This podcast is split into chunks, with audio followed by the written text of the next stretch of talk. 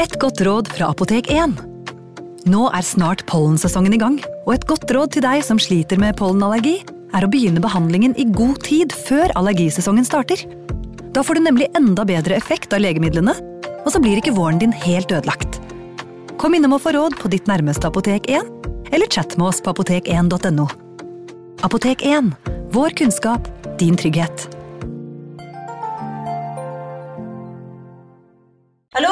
Jeg kommer fra Oslo politikammer. Ine Jansen er purk. Er du purk? The motherfucking bitch. Alt jeg vil, er å finne ut hva som skjedde med mannen min. Jon Carew. Er jeg sikta for noe? Iben Akeli. Det er du. Ole So, Lars Berrum og Big Daddy Karsten. Hvem sin side er du på, egentlig? Anette Hoff, Tone Danielsen, Kommer du fra Afrika? Jørnis Josef, Nesten kløfta. Trond Espen Seim, Det er synd å si det, men det var feil mann som døde. Purk. Premiere tirsdag på TV2 Play. Ungsamtalen fra DNB er økonomisk veiledning tilpasset deg som er ung. Bokk en ungsamtale på dnb.no. slash ung. Det er kjempebra hvis du skal inn på boligmarkedet, hvis det er drømmen din, liksom. Det er det du skulle sagt. Og så kunne du ropt litt mer, da, sånn som jeg gjorde. Bam! Advarsel. Denne podkasten inneholder skildringer av ekte drap og kriminalsaker som kan være støtende for enkelte. Det advares også mot sterke inntrykk i deler av episoden. Fra Milwaukee i forrige episode reiser vi denne gangen til Australia, nærmere bestemt Aberdeen i New South Wales. En liten by som for det meste livnærer seg på gruvearbeid og annen industri. Aberdeen har nok sett sine beste dager, byen har forfalt drastisk, og fattigdom preger mange av de som bor der. Butikker og kontorer blir stengt, og mange mister jobbene sine på starten av 2000-tallet. Landskapet rundt byen er fortsatt like vakkert som det alltid var. En kontrast til det som skjedde, det som sjokkerte den lille byen. Det sjokkerte hele Australia, faktisk hele verden. Et drap tatt ut av en skrekkfilm, så bestialsk at politimennene som først kom til åstedet, ikke spiste kjøtt på flere måneder. Ja, vi skal til enda en slik historie. Så grafisk og utrolig som man får det. Men dette skjedde ikke på 1500-tallet på et slott med en gal grevinne, ei heller i en bok eller film. Drapet skjedde den 1. mars 2000 i et tilsynelatende helt vanlig hjem hos vanlige mennesker. Her er historien om Catherine Knight, den første kvinnen som ble dømt til livstid i fengsel i Australia. Velkommen til True Crime Podden.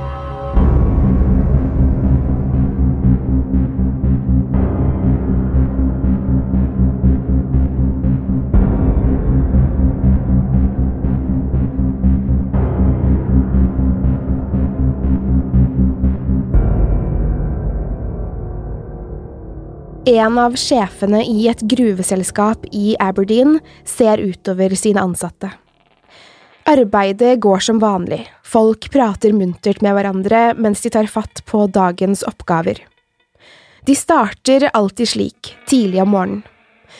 De ansatte ser ut til å trives på jobb, de fleiper med hverandre ved kaffemaskinen, og sjefen skal til å gå bort til dem da han legger merke til at en ansatt mangler. John Price, 46 år og far til tre barn, hadde ikke møtt på jobb denne morgenen. Det var uvanlig, for Price var en pålitelig mann som alltid kom på jobb, uansett hva. Han var nok litt hard på flaska, John Price, men uansett hvor mye han hadde drukket på puben kvelden før, møtte han opp på jobb og utførte jobben sin med glans. Han var aldri syk, kom aldri for sent, og sjefen hans var sikker på at Price ville ha ringt om han var forhindret i å komme. Hadde han forsovet seg? Var han syk? Hadde det ikke vært for at John Price de siste ukene hadde vært livredd for noen, ville sjefen ha tenkt at det var en naturlig forklaring på hvorfor Price var borte. Men han fikk en dårlig følelse i magen, en uro han ikke klarte riste av seg. Noe hadde skjedd, han var helt sikker. Sjefen snakker med noen av de ansatte som heller ikke har hørt fra Price, og de blir like bekymret. Hun må ha tatt han, sa de med alvorlige miner. Det var ikke annet å gjøre enn å ringe politiet. Sjefen håpet han tok feil, men var redd for at han ikke gjorde det. Politimannen Scott Matthews mottar samtalen på sitt kontor. Han vet hvem John Price er, og synes også det er uvanlig at han ikke har møtt på jobb. Matthews og to kolleger, sammen med sjefen fra gruveselskapet, kjører til John Price sitt hus. Bilen til John Price står fortsatt i oppkjørselen. Han har altså ikke reist noen steder, så da må han være hjemme. Huset virker stille. Gardinene er trukket for i nesten alle vinduene, bortsett fra de i gangen. De banker først på døren, men ingen svar. De banker en gang til. Det høres ikke ut som det er noen hjemme. Den ene politimannen kikker inn, men lysene er slått av inne, så de kan ikke se noe. De får alle en dårlig følelse av at huset er så stille, og beslutter å bryte opp døren. Det kan hende noen trenger hjelp der inne, kanskje John Price eller samboeren er skadet. Omsider får de opp døren og ser at et slags pledd henger i dørkarmen på ytterdøren. Pleddet er mørkt, og Matthews skyver det forsiktig til side. Det er tungt og fuktig. Han kjenner noe kaldt på armen, og ser plutselig at armen hans er dekket av blod. Han kan ikke huske å ha skadet seg, og kjenner ingen smerte. Blodet må komme fra pleddet. Politimennene fortsetter stille inn i gangen og ser mot stuen. I døråpningen henger noe hudfarget og slapt, med røde merker. Den ene politimannen brekker seg av synet. På en slakterkrok henger huden av en manns overkropp. Hodet er borte, og huden ser ut til å være flådd rett av offeret. Blodet drypper sakte ned på gulvet og lager mørke flekker på teppet. De trekker våpnene sine. Morderen kan fortsatt være i huset. Den metalliske lukten av alt blodet gjør dem kvalme, men de fortsetter nedover gangen mot kjøkkenet. Flere store blodflekker er å se på gulvet og teppene gjennom hele gangen. Kjøkkenet er tomt, men flere kniver, skjærebrett og kasseroller med blodflekker står uryddig på benker og bord. Matthews går bort til den store kasserollen på komfyren og løfter lokket forsiktig, redd for hva han skal se. Akkurat som han trodde, ligger hodet til en mann i kasserollen hodet til John Price. En annen politimann finner Johns ben og armer på stuegulvet. Matthews lukker lokket på kasserollen og brekker seg, prøver å trekke pusten. Han ser to tallerkener på kjøkkenbenken. På tallerkenene ligger grønnsaker, saus og kjøttstykker. Ovenfor tallerkenene er det to håndskrevede lapper med navnene til John Price sine to eldste barn, som om maten er ment for dem. I ovnen ligger resten av kjøttet, og Matthews forstår med en gang at kjøttet også må være fra John Price sin døde kropp. Det er blod overalt i huset, på gulvet, tepper, vegger. Politimennene kan tydelig se hvor John Price ble oppstykket, da store merker i gulvteppet avslører hvor hodet, armene og bena lå. De gjennomsøker resten av huset. Morderen kan fortsatt være der. De blir også bekymret for hvor Johns samboer Catherine er. De ser ikke tegn til henne i første etasjen. De fortsetter opp trappen og hører snart en tung snorking komme fra en av soverommene. Catherine ligger på magen og sover. På nattbordet er det flere tomme brett med tabletter. De får ikke vekket henne, men hun lever og virker uskadd. Matthews tilkaller flere politipatruljer og ambulanser før de bærer Catherine ned trappen og ut på terrassen så hun skal få frisk luft. Stanken inne i huset er uutholdelig. Catherine våkner etter hvert, men er helt ute av seg og blir tatt med til sykehus for behandling. Matthews bestemmer at hun skal voktes av to politimenn til enhver tid. Han mistenker at Catherine står bak drapet på mannen sin. Politiet står ovenfor et bestialsk mord. Et mord så ubegripelig grusomt at de ikke helt vet hvor de skal begynne. Catherine Knight og John Price hadde vært sammen i fem år. Fem veldig turbulente år. Catherine hadde flyttet inn hos John kort tid etter at de ble sammen. De hadde møttes gjennom felles venner på puben de begge pleide å sitte på. Både Catherine og John likte å ta seg noen ekstra glass, og drakk mye, så å si hver eneste dag. De var kjent for å krangle høylytt, eller Catherine var kjent for å starte krangler med John, eller hvem som helst annen for den saks skyld. Hun var en skikkelig bråkmaker. Hun ble født den 24. oktober 1955 inn i en ustabil familie. Moren hadde allerede fire sønner da Catherine og tvillingsøsteren ble født. Hun fikk de to tvillingjentene med en elsker, som også var en venn og kollega av mannen hennes. Familiene til begge mennene var kjente i samfunnet som gode, kristne mennesker med høy moral og noble verdier. Graviditeten og utroskapsskandalen ble derfor snakket og hvisket mye om i det lille samfunnet.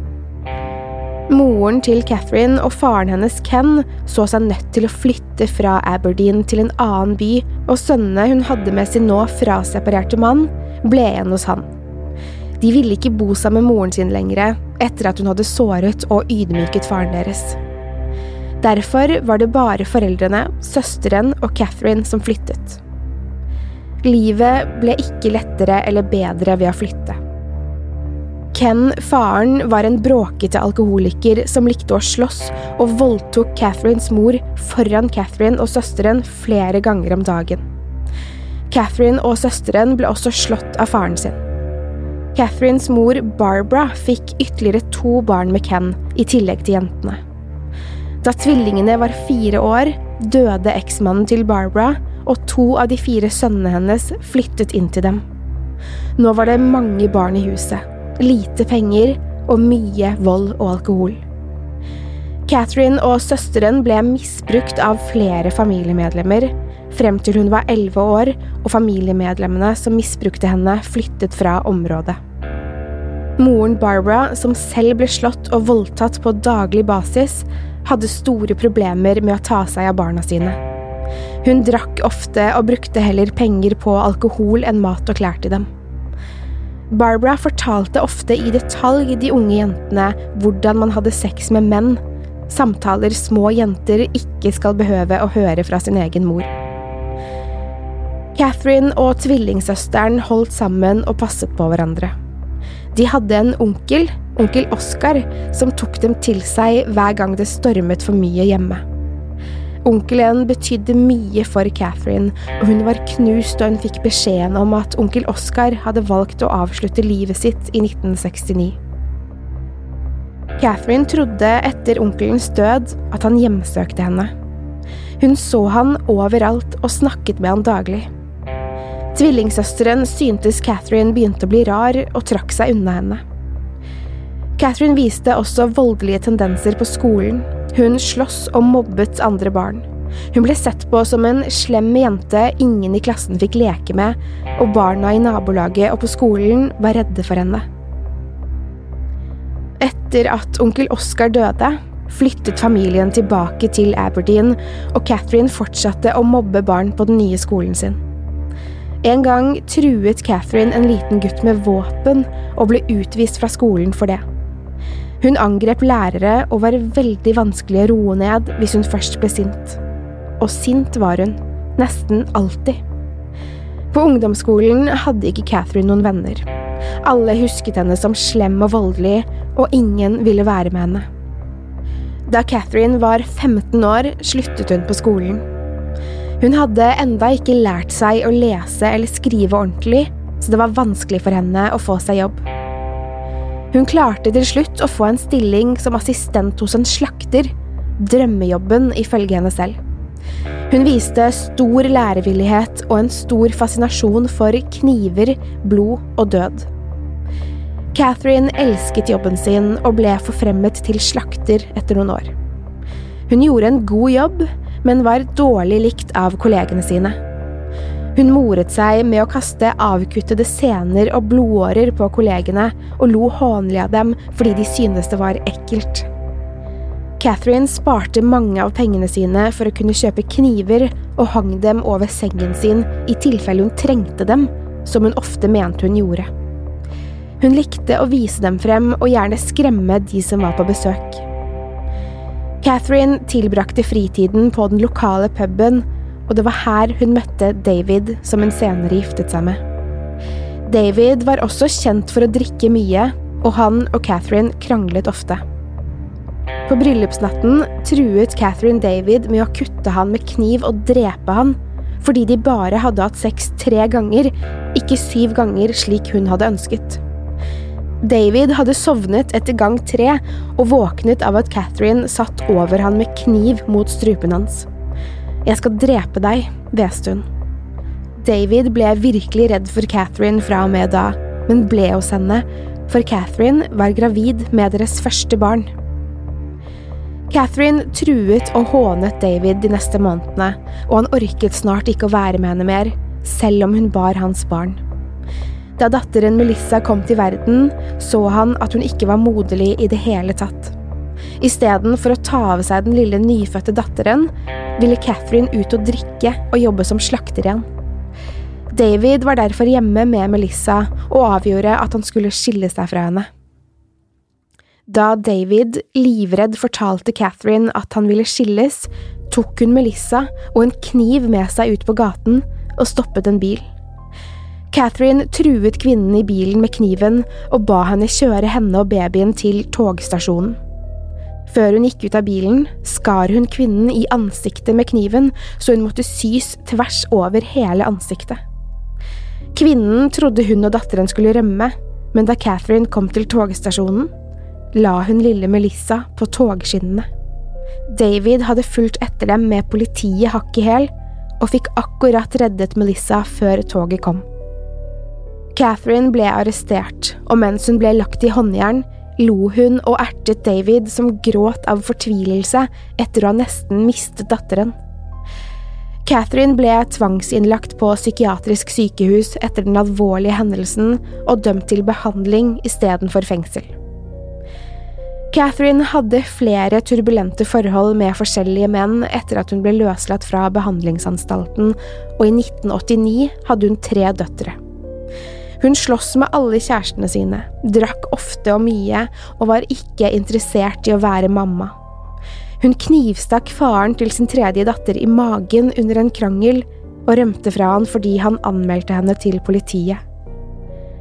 Hun møtte en ny mann i 1990 og sammen fikk de en sønn. De to var sammen i tre år, før Catherine var utro med en annen mann, John Price. De hadde et hemmelig forhold i et par år før samboeren oppdaget det og kastet henne på dør. Catherine og John Price flyttet sammen og lot den tidligere samboeren ta seg av sønnen, for hun var ikke interessert i han. Hun ville heller ut og drikke med John Price enn å være mamma. John Price hadde vært gift i mange år før han skilte seg fra kona i 1988. De forble gode venner etter skilsmissen, siden de hadde tre barn sammen og ønsket å samarbeide om dem. John visste veldig godt om Catherines voldelige atferd, men valgte å bo med henne til tross for det.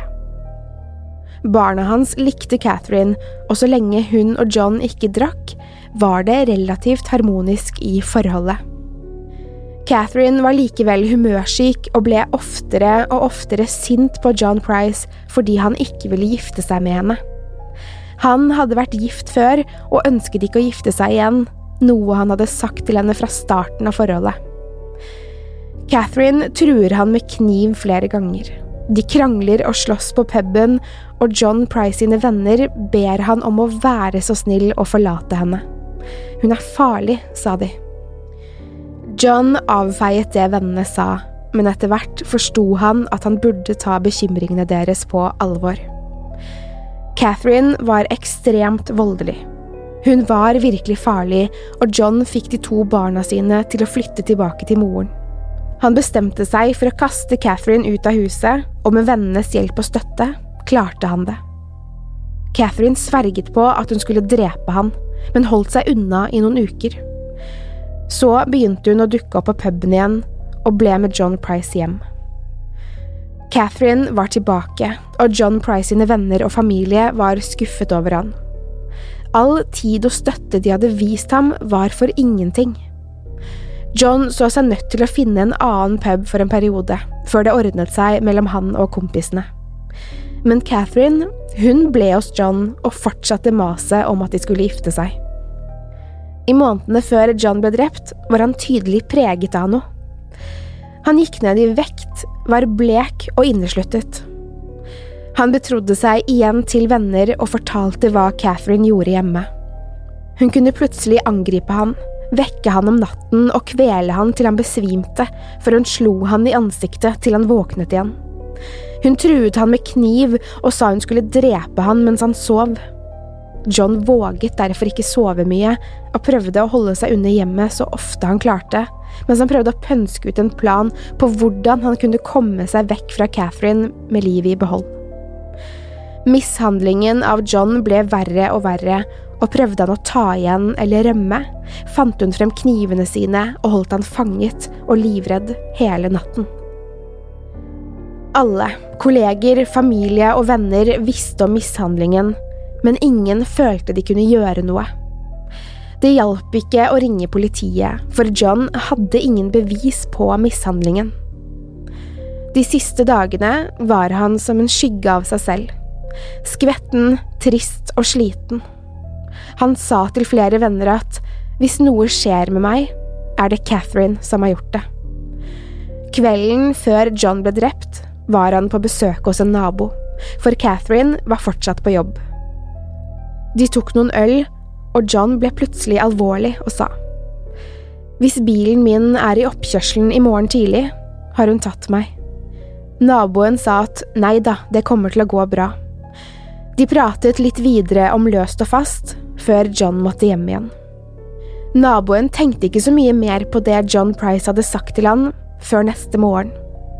For da sto bilen til John fortsatt i oppkjørselen. Naboen hadde blitt skrekkslagen da han så bilen, og tenkte på det John hadde sagt. Han ringte til en kamerat på jobben til John og fikk bekreftet at John ikke hadde møtt på kontoret. Idet han skulle til å ringe politiet, så han politipatruljen svinge inn oppkjørselen foran John Price sitt hus. Herregud, hadde han tenkt. Herregud, hun har virkelig tatt han. Naboen hadde gått ut og snakket med politimennene, som bekreftet at det var en død mann inne i huset. Det er Catherine, sa han med en gang og fortalte om alt som hadde skjedd. Politiet avhørte venner, familie og kolleger av John Price, og alle sa det samme. Catherine har tatt han. Politiet hadde ingen andre mistenkte enn henne. Etter noen dager på sykehus ble hun overført til varetektsfengsling, og avhørene begynte. Catherine nektet for å ha drept John, hun sa at det var en inntrenger som hadde gjort det. Hun hadde ikke noe godt svar på hvorfor inntrengeren hadde kuttet opp John, stekt han og forsøkt å servere han til sine egne barn, og hvorfor denne inntrengeren ikke hadde skadet henne. Selv om Catherine ikke innrømmet drapet, eller forklarte hva som hadde skjedd og hvorfor det skjedde, var de tekniske bevisene såpass gode at politiet klarte å finne ut hva som skjedde natt til 1. mars 2000. John hadde kommet hjem fra naboen, og begge hadde drukket øl hjemme. John hadde gått og lagt seg i 10-11-tiden og sovnet. Catherine hadde forblitt våken. Hun hadde en plan. Catherine hentet en av knivene sine fra veggen, og mens John sov, angrep hun han og knivstakk han i halsen. Han våknet, forskrekket av alt blodet som rant fra han, og prøvde å rømme. Han hadde klart å stå oppreist de første meterne mens blodet rant fra sårene i halsen. John støttet seg til veggen og prøvde å komme seg ut av soverommet. De blodige håndavtrykkene på veggen tilsa at han hadde kommet halvveis ut i gangen før han sank sammen mer og mer. Blodsølet på teppet ble kraftigere, og håndavtrykkene var avsatt lavere og lavere på veggen. Han hadde krøpet den siste biten, slept den skadede kroppen langs gulvet. John Price hadde kommet seg frem til utgangsdøren. Håndtrykket hans var halvveis opp på døren i et forsøk på å nå dørhåndtaket. Han hadde nesten kommet seg ut før Catherine fikk tak i han igjen. Det var der han hadde dødd, centimeter fra hjelp og frihet.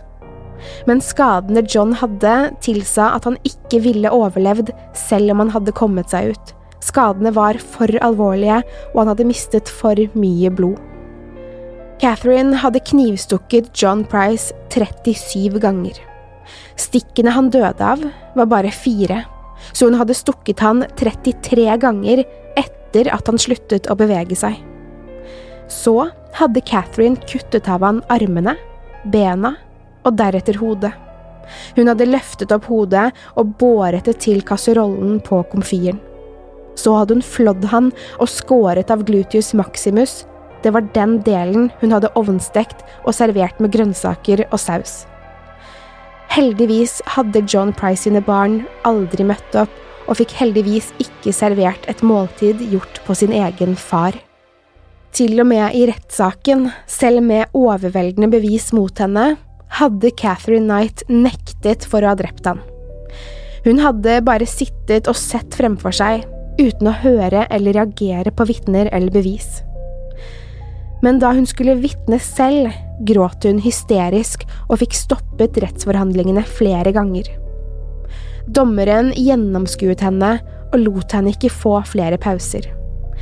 Catherine svarte unnvikende på alle spørsmål. Den 8. november 2001 ble Catherine Knight dømt som første kvinne til livstid i fengsel. På grunn av hennes manglende vilje til å forklare seg, innrømme skyld og at hun ikke viste noen anger for det hun hadde gjort, nektet dommeren henne muligheten til prøveløslatelse. Du skal aldri slippes fri, sa han til henne før hun ble ført ut av rettssalen og til fengselet der hun skulle tilbringe resten av livet sitt. I dag er Catherine Knight 63 år gammel og soner dommen i et høyrisikofengsel. Hun kommer aldri ut igjen. Barna hennes har byttet navn og lever med skjult identitet. Og det alle lurer på, spiste Catherine noen gang mannen sin? Ingen vet, men kjøttet på den tredje tallerkenen var kuttet opp i biter sammen med grønnsakene. Vi legger ut bilder fra denne saken på vår Instagram-konto som heter True Crime Norge. Er du som meg, og i tillegg til true crime interesserer deg for skrekk og skumle historier, sjekk ut min og Jim Fosheims nye podkast Skrekkpodden, som er ute nå. Til neste gang, pass på deg selv, og takk for at du har hørt på True Crime-podden.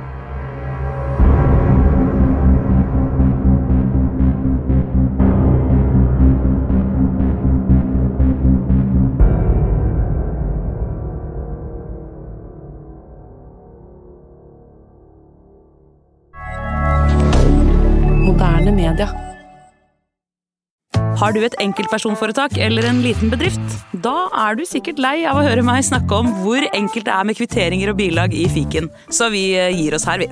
Fordi vi liker enkelt. Fiken superenkelt regnskap. Hei! Takk for at du lytter til True Crime Podden. Skulle du ønske at du kunne høre en ny episode av denne podkasten hver eneste uke? Vel, da er det bare å laste ned podkastappen Untold med en gang. I tillegg til ukentlige episoder av podkaster som Skrekkpodden, Synderne og Henrettelsespodden, får du masse annet reklamefritt og eksklusivt innhold.